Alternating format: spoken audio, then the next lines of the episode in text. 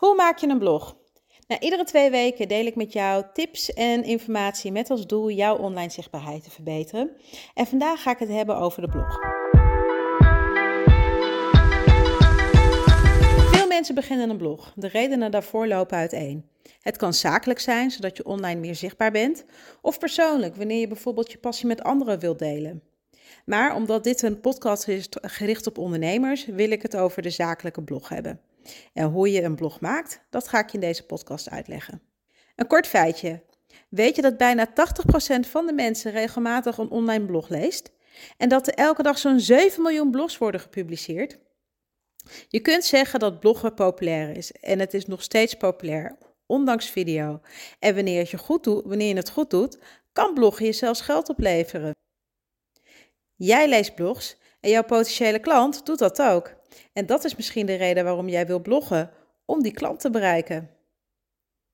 Het maken van een blog is een belangrijk onderdeel van de content marketingstrategie. Ja, daar heb ik het de vorige keer over gehad.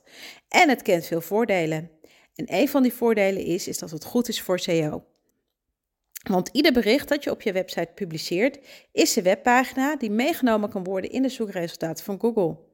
En wanneer je elke week een blog deelt, dan heb je na een jaar 52 extra webpagina's op jouw website staan die kunnen scoren op Google. En dit zorgt voor meer verkeer naar jouw website en dat maakt jou ontzettend zichtbaar. Maar ja, goed, even een stap terug. Wat is een blog? Een blog is een online artikel dat een onderwerp behandelt op een toegankelijke toon, terwijl het de structuur van een artikel behoudt. Een blog kun je heel eenvoudig op een computer schrijven in een programma zoals Word. Maar voor het publiceren van een blog heb je een website nodig en die komt tot stand met webhosting en CMS. Je blogt op jouw website en voor een website heb je webhosting nodig. En bij webhosting huur je een stukje webruimte in op de server. En de server is een computer dat in verbinding staat met het internet. En op die server worden bestanden opgeslagen die jouw website vormen. En de server maakt het voor je bezoekers mogelijk om jouw website te bekijken. Er zijn verschillende soorten webhostingdiensten, waarvan de meest voorkomende shared webhosting is. Hierbij deel je de capaciteit van de server waarop jouw website en bestanden staan met andere mensen. Nederland kent veel hosting providers. Uh, de meest populaire op dit moment zijn Hostinger, Fimax, Mijnhost, Antagonist en Keurig Online. Maar als je het googelt, ga je een grote lijst met hosting providers vinden. Bij jouw hostingdienst koop je een CMS-systeem. Dit staat voor Content Management Systeem. Het is een softwareapplicatie die het voor jou mogelijk maakt om een website te maken en te onderhouden. Een heel bekend CMS-systeem is WordPress. Meer dan 40% van de website is WordPress. Andere bekende systemen zijn Drupal en Joomla. De hosting provider zorgt voor het technisch onderhoud. Nou, wanneer dit alles actief is, ga je aan de slag met je website. Er is een verschil tussen pagina's en berichten. Pagina's zijn de webpagina's die op jouw website staan, zoals je aanbod of je Dit ben ik pagina. Ik heb een Dit ben ik pagina. Dit zijn de pagina's die je in het menu terug kunt laten komen. De berichten zijn je blogberichten en deze worden verzameld op je blogpagina. Nu je jouw website hebt gemaakt en een passende vormgeving hebt gekozen, dan kies je een aantal contentthema's. Dit zijn een aantal vaste onderwerpen waar jouw blogs over gaan. Mijn blogs gaan bijvoorbeeld over content marketing, SEO, social media en influencer marketing.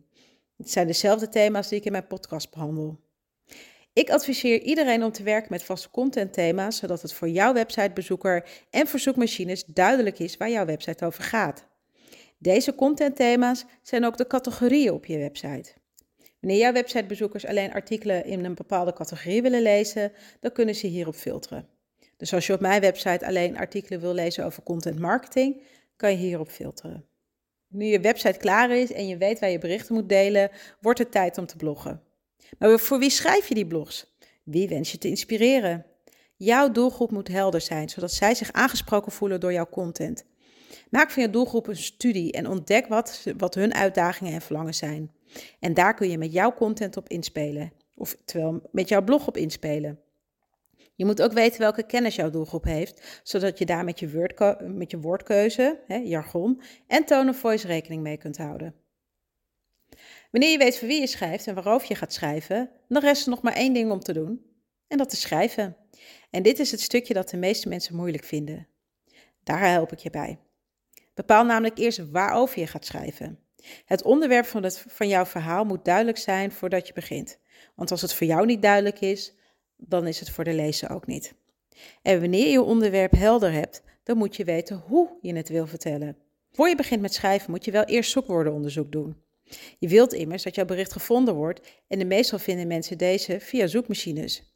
Je moet dus in dat geval je tekst optimaliseren voor zoekmachines en dat doe je door gebruik, maken, door gebruik te maken van zoekwoorden. Want dankzij zoekwoorden kunnen zoekmachines en zoekmachinegebruikers jouw blog vinden en door zoekwoordenonderzoek te doen, weet je welke zoekwoorden je moet gebruiken. Nou, als dat helder is, dan kan je eindelijk beginnen met het schrijven van je blog. Zorg ervoor dat je blog uit de volgende onderdelen, onderdelen bestaat. 1. De introductie. Hierin introduceer je het onderwerp en schep je een verwachting. Of je prikkelt te lezen met bijvoorbeeld een uitspraak die de aandacht grijpt. Nou, twee, dat is de body. dat is de body van je tekst. Uh, dus dat is het volledige verhaal. En in de body van de tekst doe je je verhaal, hè, je volledige verhaal. Je schrijft bijvoorbeeld over trends en ontwikkelingen in, in het vakgebied waar je over schrijft. Of je geeft achtergrondinformatie, of je geeft meer productinformatie of hoe ze het kunnen gebruiken. Dit is het stukje waar je echt de diepte in kunt gaan. En als je dat hebt gedaan, dan sluit je je blog af. Ehm, in de afsluiter, hè, dat is puntje 3, geef je geen nieuwe informatie meer. Je vertelt wat de key takeaway is, of je kunt een conclusie trekken. Nou, nu is je blog af. Maar hij mist nog een titel, oftewel een headline. En de headline is heel erg belangrijk, want het vertelt de bezoeker van jouw webpagina waar jouw blog over gaat. En als iemand het tegenkomt op Google, dan moet het mensen verleiden om erop te klikken. Je headline is een ontzettend belangrijk onderdeel van jouw blog, omdat iemand op basis van jouw headline beslist of hij jouw tekst gaat lezen of niet. Dus besteed hier aandacht aan. En maak gebruik van tussenkoppen. Niet alleen maakt dit de layout van je tekst aantrekkelijker, het vertelt jouw websitebezoekers waar de verschillende alinea's over gaan. Hierdoor is je tekst goed scanbaar en kunnen mensen eenvoudig navigeren door de tekst.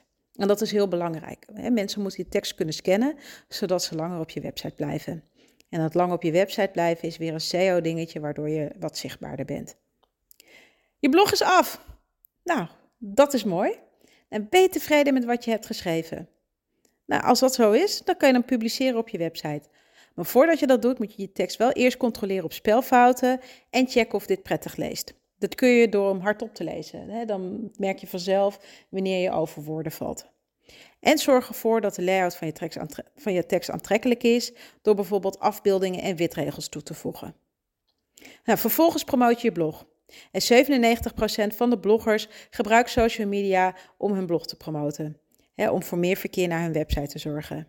Dus promoot je blog op social media, maar doe dit ook in je nieuwsbrief en vertrouw op de kracht van SEO. Ook al vraagt dat om een lange adem. Nou, tot slot wil ik zeggen dat er zo'n 570 miljoen blogs online staan. En een aantal van deze gaan over exact hetzelfde onderwerp dat jij in jouw blogs behandelt. Met één verhaal ben je er niet. Je moet blijven bloggen en iedere blog die je deelt moet fantastisch zijn. En wanneer je dat volhoudt, dan zal je zien dat je op termijn stijgt in de zoekresultaten van Google en dat het verkeer naar jouw website toeneemt. En dat maakt jou online zichtbaar. Heel veel succes!